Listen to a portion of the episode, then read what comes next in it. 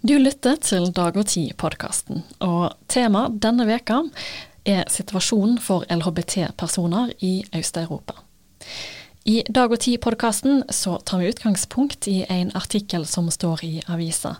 Og artikkelen som har vært inspirasjon for denne episoden, heter 'Pride et barometer for fridom', og er skriven av Ane Tusvik Bonde. Artikkelen kan du lese på dagogti.no, og som vanlig så finner du ei lenke til artikkelen i beskrivinga til denne podkastepisoden. Juni er den store pride-måneden, og i løpet av feiringa så er det debatter, fester og selvsagt paraden som i Oslo foregår denne helga, 25. juni. Og i dag så har jeg med meg to gjester i studio som skal fortelle om pride og situasjonen for LHBT-samfunnet i andre land enn Norge. Og hovedtyngda er på Øst-Europa. Og en av gjestene da er deg, Arne Tusvik Bonde. Velkommen. Tusen takk. Du er seniorrådgiver i Human Rights House Foundation. Og 17.6 skrev du en kommentar i Dag og Tid om nettopp pride. Og så har vi òg med oss deg, Patricia Katé. Velkommen. Takk. Du er politisk rådgiver i Amnesty International Norge, og eh, har mellom andre vært i Kiev under pride tidligere. Og aller først, eh, Patricia, så lurer jeg på hvorfor feirer vi pride? Pride er både en fest og en protest. Uh, pride ble født ut av transpersoner, homofile, lesbiske sitt opprør mot den stadige trakasseringen av politiet i New York. Eh, som eh, gang på gang på gang raidet eh, homseklubben Stonewall Inn. Eh, og i juni 1969 så tok folk til gatene og sa vi skal ikke trakasseres, vi skal ikke forfølges av vår seksuelle orientering, vår kjønnsidentitet eller våre kjønnsuttrykk. Og det var en protestmarsj som varte i flere dager. Det ble en fest. Man tok ut skeiv identitet og skeiv kultur i gatene. Eh, da, året derpå ble det igjen markert, og så spredte dette seg til flere byer i USA, etter hvert til flere land i verden. Og nå er det blitt stående som på en måte symbolet for skeiv identitet, skeiv kultur, men også kampen for likestilling og mot diskriminering, trakassering og forfølgelse på bakgrunn av seksuell orientering, kjønnsidentitet og kjønnsuttrykk. Mm. Og det med trak trakassering og, og, vold og sånt, da skal vi komme tilbake til, for det gjelder jo fremdeles for, for en del eh, som er skeive. Um, men i Norge så er pride et åpent arrangement. Det er nesten en folkefest. Og når jeg har lest kommentaren din, Arne, så skildrer du en helt annen situasjon for LHBT-samfunnet i flere land i Europa, og i tillegg til Armenia og Georgia. Og du var bl.a. på ei pride-filmvisning i Banja Luka i Bosnia-Hercegovina. Hvordan var eh, arrangementet der? Jeg skrev den kronikken nettopp fordi vi er inne i pride-måneden, og jeg tenkte at det er viktig å huske at vi ikke skal ta det for gitt. At man kan gå ut i gatene og feire og protestere, som Patricia sier. Eh, så når jeg var i Banja Luka, som ligger i republikken Serbska i Bosnia-Hercegovina, så var altså denne pride-filmvisningen Den skjedde helt i det skjulte i et uh, gammelt industriområde, så mellom nedlagte bygninger og ruiner så var det da en filmvisning i et fabrikklokale hvor ca. 20 personer hadde samlet seg til å se en film om en jente som fortalte om hvordan hun kom ut, og hvordan familien hennes reagerte når hun fortalte at hun likte jenter. Uh, og da var det ingen uh, skilt som viste Ingen regnbueflagg. Det var én som hadde et regnbueflagg på innerlomma av de som var på som var tilskuere.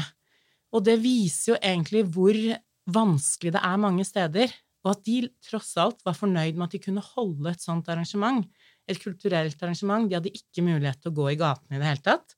Borgermesteren i Banja Luka har sagt at han ikke skal se noe pride i sine gater. Eh, og de sier jo også at det er ikke noen trygge steder for homofile. Det er ingen steder å møtes eller å være. Så selv denne lille filmvisningen da ble sett på egentlig som en suksess. Eh, organisasjonen som organiserte det, het Getto, og de sa at navnet har de nettopp fordi de føler at de lever i en getto hvor de ikke har friheter som andre. Eh, sånn at det viser jo hvor vanskelig det er, og at eh, et lite skritt som en sånn kulturelt arrangement likevel er viktig. Eh, I Sarajevo så skal det holdes pride, som da ligger i Bosnia-Hercegovina, og det er tredje år på rad. Men de vet fortsatt ikke om de vil få tillatelse. Så det er krefter som Innenriksdepartementet som prøver å si at pga. sikkerhet og trafikk så vet vi ikke om vi får til dette. Og de, det er også krefter som ønsker at eh, arrangøren selv skal betale for ekstra kostnader ved sikkerhet. Ja, og da med sikkerhet, Hva slags folk er det som skal stå for sikkerheten? Det er jo, det er jo egentlig politiet som eh, har egentlig en forpliktelse til å beskytte sine borgere, sånn at alle har rett til å eh, samle seg og gå i tog og protestere men det som skjer i land, ikke bare i Bosnia-Hercegovina, men du ser også, som jeg skrev om, i Armenia og Georgia f.eks., så er det det at denne muligheten har ikke de som vil gå i pride. Det er ikke lov. Så i Armenia så er det ti år siden de prøvde å arrangere en mangfoldsparade, eller en mangfolds... Eh, eh, ja, en slags parade. Og de ble altså stoppet, de ble angrepet allerede før de begynte å gå. Eh, I Georgia så eh, prøvde de å holde pride i fjor, og da ble også folkemengden angrepet av, av høyreekstreme, eh, og 20 journalister ble altså såret. Og i år så tør de ikke å arrangere det, og politiet har også advart og sagt at vi kan ikke garantere for deres sikkerhet. Og det er det som er ille, at det skal jo politiet gjøre. Myndighetene skal jo sikre folks de samme rettighetene, og de har det ikke. Ja, Det er rett og slett for farlig. Men hva slags trusler er det LHBT-personer blir utsatte for? Ja, Sånn som våre partnere sier i Armenia, da, så er det jo alt fra eh, fysisk vold, som kan komme fra egen familie, men det kan også komme fra folk som ser på det at de har en annen seksuell legning som en trussel. De kaller det altså en trussel mot eh, nasjonale og tradisjonelle verdier eh, sånn folk blir angrepet. Også de som forsvarer eh, homofiles rettigheter, blir angrepet fysisk. Men det er også veldig mye hatkriminalitet og veldig mye stygt som skrives i, i medier og sosiale medier. Og det vi så under pandemien, var jo også at det er veldig mye desinformasjon. At man f.eks. prøver å skylde på de homofile for grunnen til at man har en pandemi, f.eks. Man ser det nå med krigen etter krigen i Armenia og Aserbajdsjan. Så bruker man egentlig de homofile som syndebukker. Sånn at de blir De er en utsatt gruppe. De er ikke den eneste. Man må huske at også kvinner, det å, å jobbe for kvinners rettigheter, blir sett på som veldig provoserende. Det er veldig sterke, konservative samfunn som ikke ønsker at folk skal tenke annerledes overhodet. Eh, denne eh, måneden så kom det en dom i Den europeiske menneskerettighetsdomstolen som nettopp sa at Armenia er skyld i at de ikke klarte å beskytte de homofile. Eh, for ti år siden så var det en bombe som gikk av i en bar der både homofile og annerledes tenkende holdt til i hovedstaden Jerevan i Armenia. Og nå er Armenia dømt til å betale erstatning og også sørge for at noe sånt ikke skjer igjen. For de som var ansvarlig for bomben, de ble aldri dømt. Og det viser jo hvor farlig den hatretorikken er når du faktisk har tilfeller hvor noen plasserer en bombe.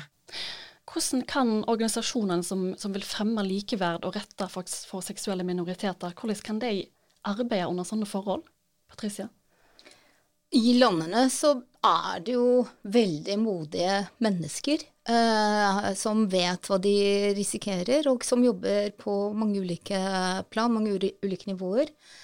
Eh, for det første så jobber, jobber mange for lovendring. Eh, eh, for jeg, jeg, tenker det er også viktig å være tydelig på at i de landene vi snakker om nå, så er ikke homofili kriminalisert. Ikke vi snakker ikke om land der homofili er kriminalisert. Vi snakker om land der eh, det finnes andre lover som gjør det vanskelig å være homofil. Og det er alt fra lover som forbyr seksualitetsundervisning. Altså du kan ikke snakke om det å være skeiv i skolen, eh, og dermed kommer du ikke ut med informasjon til barn og unge. Eh, det er lover som forbyr positiv omtale av homofili i eh, offentligheten, i, i, i media eller på møter. Det er lover som av hensyn til moral eller sikkerhet forbyr gjennomføring av prider.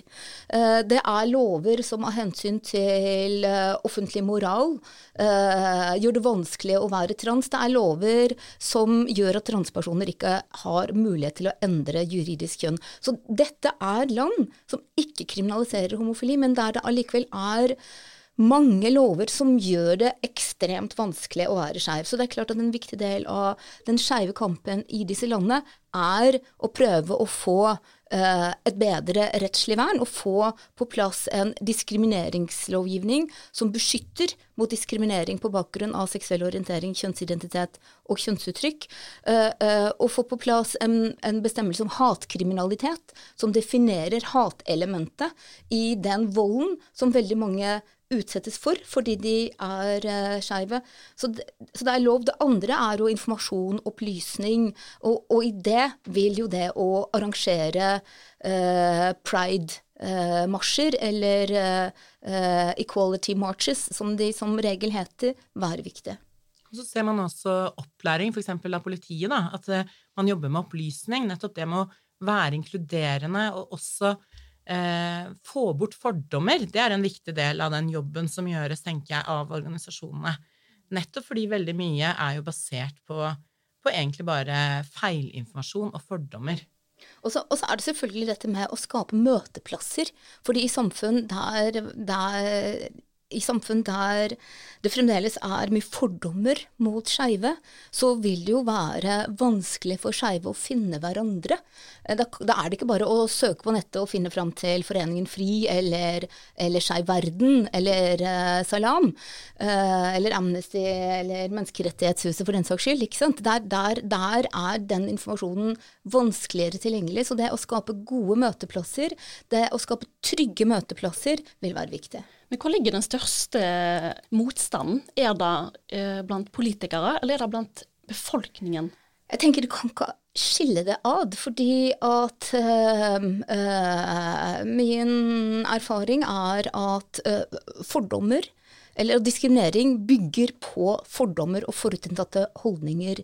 Men når disse fordommene og forutinntatte holdningene får leve fritt og ikke blir motsagt, og når politikere og andre aktivt bidrar til å styrke de fordommene, og når du har et lovverk som også aktivt bidrar til å styrke de fordommene, når du ikke har en seksualitetsundervisning som kommer med uh, informativ og objektiv uh, uh, kunnskapsbasert informasjon, så skaper du et samfunn som gir grobunn for trakassering og vold og hat rettet mot de som er annerledes, mot de som er skeive. Men hvis vi ser f.eks. På, på Russland. Der kom det en lov i 2013 som skulle forby propaganda, homofil propaganda retta mot mindreårige. Nå er, det vel, eh, vel planer om å utvide denne loven til å gjelde voksne òg. Har det gått feil vei? Begynte det liberalt? Var det, var det rettigheter for homofile tidligere i Russland? Altså, vi kan definitivt si at det går feil vei. Uh, uh, I 1993 så ble homofili avkriminalisert i Russland. Det var jo sånn sett et riktig skritt. Men Ane og jeg vi var i Murmansk sammen i 2003 og skulle ha et møte med sivilsamfunnsorganisasjoner. Og da sa sivilsamfunnsorganisasjonene de, de ønsket ikke at skeive organisasjoner skulle delta i dette møtet. Så, så det, det, er, det er uh, tydelig klare fordommer som, som har ligget der, til tross for avkriminaliseringer. Men i 2013, når du da får en lov som sier at vi eh, vil ikke tillate eh, en positiv omtale av ikke-tradisjonelle seksuelle relasjoner overfor mindreårige, fordi vi skal ikke gi mindreårige det inntrykket av at samfunnet tillegger tradisjonelle og utradisjonelle relasjoner like stor verdi, så har du som samfunn sendt et veldig tydelig signal til uh, befolkningen uh, om at uh, skeive har ikke noe plass. Uh, og i realiteten så har denne loven forhindret positiv omtale av homofili allerede overfor voksne. Det har jo ikke vært lov å organisere pride i uh, uh, Russland på mange tiår. og, selv, og selv folk som eh, kommuniserer i forhold til andre voksne, som f.eks.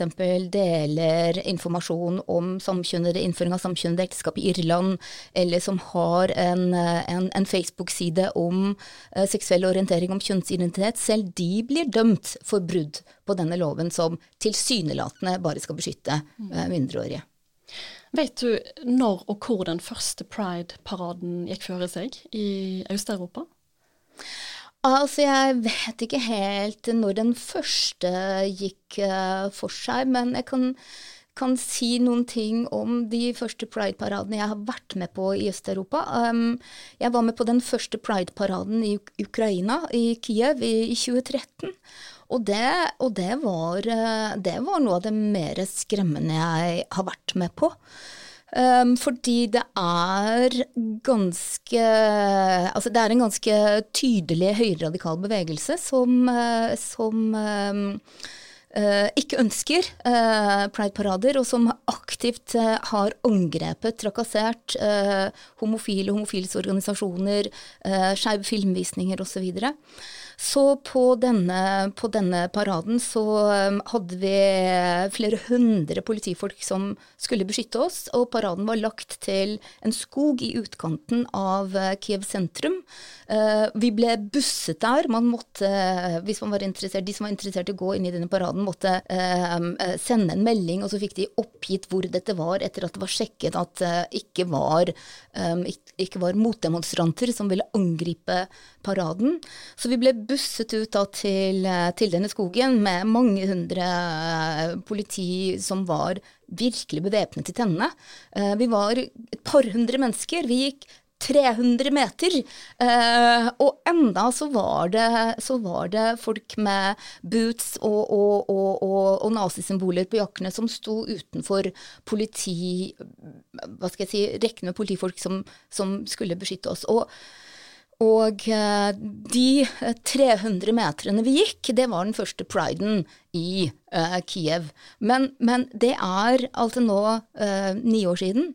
I fjor var det jo en pride i Kiev hvor det var mange tusen mennesker som gikk. Den gikk i sentrum. Der var det uh, ordentlig politibeskyttelse.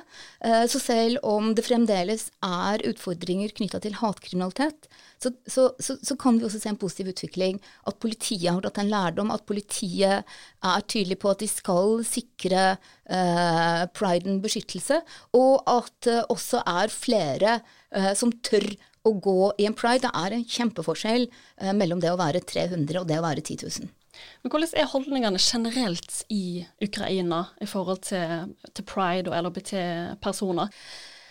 Jeg har ikke sett noen holdningsundersøkelser. Jeg kan uh, bare si det. Det, det, er, det er, en, det er en um, høyreradikal bevegelse i Ukraina som er tydelig på at de eh, ikke støtter skeives kamp for like rettigheter, eh, og at de ikke måte, ønsker at skeive skal ha noe vern, verken i loven eller på eh, annet vis.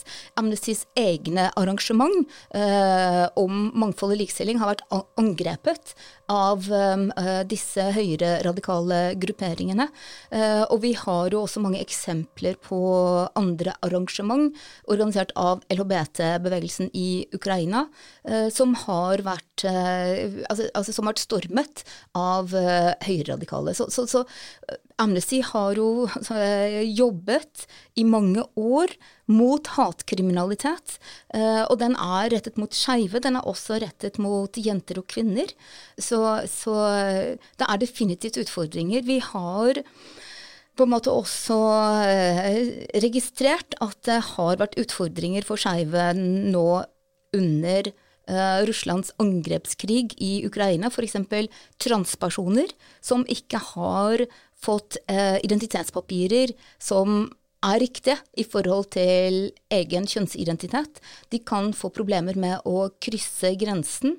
Um, og i en krigssituasjon som denne så vil man jo ofte være avhengig av støtte fra familien, men det er mange skeive som ikke er akseptert av familien, så de er mer avhengig av uh, sivilsamfunn og sivilsamfunnsorganisasjoner uh, som kan ivareta deres interesser og rettigheter. Men så tenker jeg det er også viktig å si at Zelenskyj, presidenten, han har jo egentlig gått mot da, hatkriminaliteten og sagt at vi lever i et fritt land hvor alle har lov til å elske den de vil, og egentlig tatt veldig avstand fra det når han har blitt spurt eh, om hva man skal gjøre med denne gruppa. Så jeg tenker at det viser jo at man har en, en bevissthet om holdning på øverste hold, at han er en liberal politiker. Og det er jo det du mangler, som Patricia også snakket om, i andre land, ikke sant, hvor både politikere, kirken, går mot.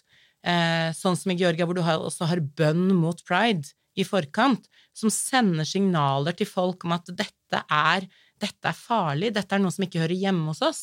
Og det ser man jo spesielt i Russland, hvor Putin i den talen han holdt når de eh, startet den fullskala krigen mot Ukraina, også inkluderte der at vi må huske på at dette også gjelder eh, folk som jobber mot tradisjonelle verdier, og homofiles rettigheter, kvinner, multikulturalisme. Dette snakket han om.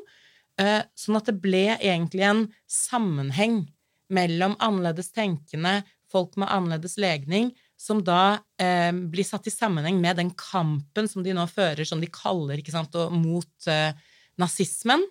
Eh, sånn at man ser at det er blitt enda vanskeligere. altså Det er nesten umulig å drive noe form for arbeid for homofiles rettigheter. Og du driver også Vi har nettopp sett at hun Julia Svetkova, som, eh, som jeg skrev om, som, som altså er blitt anklaget eh, for å spre propaganda om homofili nettopp fordi hun har tegnet kvinnekroppen. Nå er hun blitt erklært utenlandsk agent, som altså når vi bruker med folk som de bruker det mot organisasjoner, menneskerettighetsforkjempere, journalister, og nå også henne, for å vise, for at folk skal ta avstand og vise at dette har ingenting med eh, russiske tradisjoner, dette er mot eh, nasjonens interesser. Så det er en farlig utvikling. Og det er som Patricia sier, da er det mye lettere å gå til angrep også. Og det er en straffefrihet hvor angrep ikke blir eh, etterforsket, og folk ikke blir straffet for å angripe. Folk som både har, eh, som er skeive, eller som forsvarer homofiles rettigheter. Så det da også å forsvare homofiles rettigheter da blir rett og slett sett på som en trussel mot eh, den russiske nasjonen, på et vis? Absolutt. Mm. Og det gjør jo Russland jobber jo med det også internasjonalt, ikke bare innenfor Altså som en retorikk som de har overfor folket sitt, men også internasjonalt så prøver de å undergrave menneskerettighetene ved å snakke om tradisjonelle verdier som bryter da mot universelle verdier om at alle er like. Og det poenget der med at det er jo ikke bare skeive selv, men det er også de som øh, jobber for skeives rettigheter. Synes jeg Vi hadde et veldig godt eksempel på i Polen øh, for et par år tilbake. Der var det tre kvinner som i protest mot at øh, en tredjedel av kommunene i Polen hadde erklært seg som LHBT-frie soner, hadde laget plakater av den svarte Madonna med en regnbueglorie og hengt de opp i en liten by i Polen som heter Plokk. Eh, og disse kvinnene ble jo tiltalt for å ha fornærmet religiøses følelser, mens deres på en måte hensikt var jo å, å, å, å vise at uh, også Jesus snakket om et kjærlighetsbudskap. Også jomfru Maria står for eh, omsorg og inkludering. Disse tre kvinnene ble tiltalt ikke for homofili, for det er jo ikke forbudt, uh, men for å ha fornærmet religiøses følelser. De risikerte to års fengsel. Det var um, en lang og traurig rettsprosess. De ble frifunnet i første rettsrunde.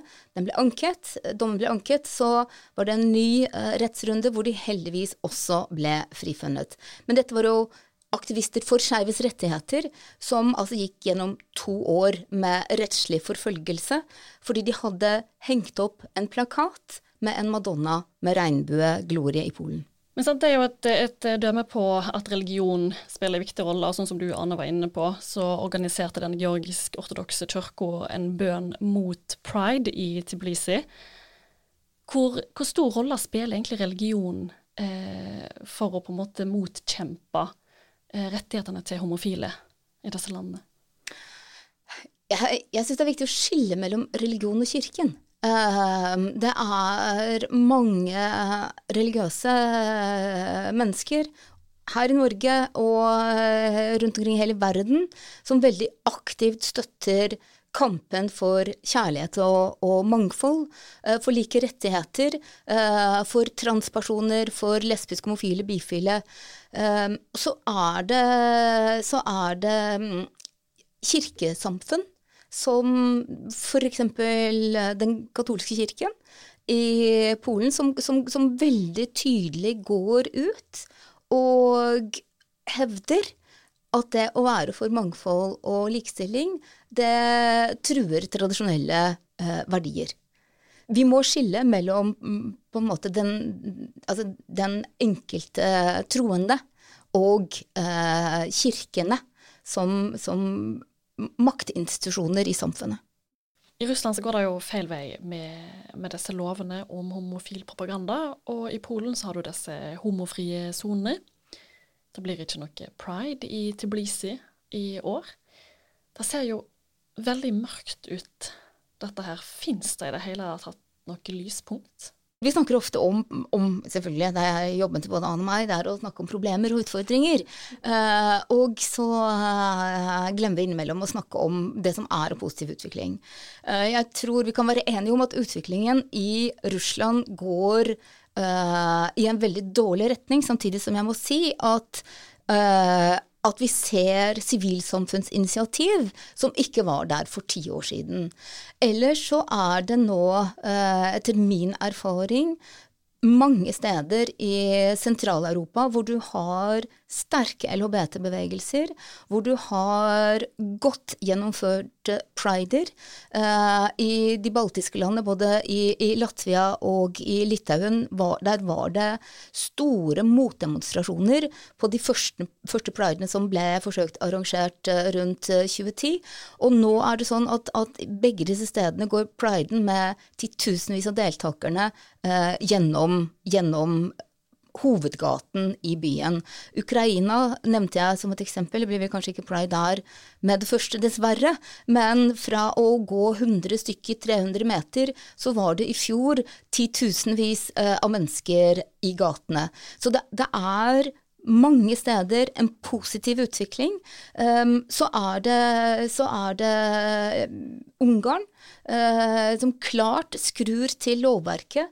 Russland som klart skrur til lovverket. Så, så det, det, er, det, er, mye positiv utvikling. Det burde vi kanskje være flinkere til å si. Og når uh, Ane innledningsvis snakket om priden i Bosnia, så, så, har det vært pride der de siste tre årene. ikke mm. sant? Det er prider i Moldova som nå går trygge gjennom gatene med mange flere deltakere enn for bare noen år tilbake. Det er en pride i Beograd, selv om den har heftig beskyttelse. Um, og det er eh, god oppslutning. Og det er god oppslutning, mm. ja. Så det er mye å feire i år? Eh. Det er mye å feire i år, samtidig som vi på en måte har mange viktige kamper, mange viktige kamper eh, å kjempe. Og det som vi som menneskerettighetsorganisasjoner i, i Norge har som en viktig oppgave, er å støtte de modige, modige menneskene som står i denne kampen så godt vi kan. Um, og det kan vi gjøre på mange måter. Vi kan gjøre det ved å være til stede under pridene og, og, bidra til at en sikres beskyttelse gjennom internasjonal deltakelse. Vi kan være med uh, vise hvordan man observerer på en god måte. Vi kan være med og jobbe sammen med lokale organisasjoner rundt trygghet og sikkerhet. Vi kan være med på å gi priden en internasjonal organisasjon og oppmerksomhet. Og vi kan inkludere dem, som vi har gjort i Armenia. Så er jo den organisasjonen som jobber nettopp for de homofiles rettigheter, den er en del av Menneskerettighetshuset. Og det er ikke selvsagt overalt. Så det handler også om å, å skape eh, mer solidaritet og eh, inkludering også i sivilsamfunnet. Sånn at eh, alle ser at dette er rettigheter som vi også vi, vi må alle kjempe for de samme rettighetene. Eh, så det tenker jeg at det er viktig, som Patricia sier, det handler om myndighetene, men også om sivilsamfunnet. Mm. Og da svarte dere altså på det siste spørsmålet mitt uten at jeg trengte å stille det. Patricia Katé og Ane Tussvik Bonde, tusen takk for at dere var her i studio i dag. Takk for at du fikk komme. Tusen takk.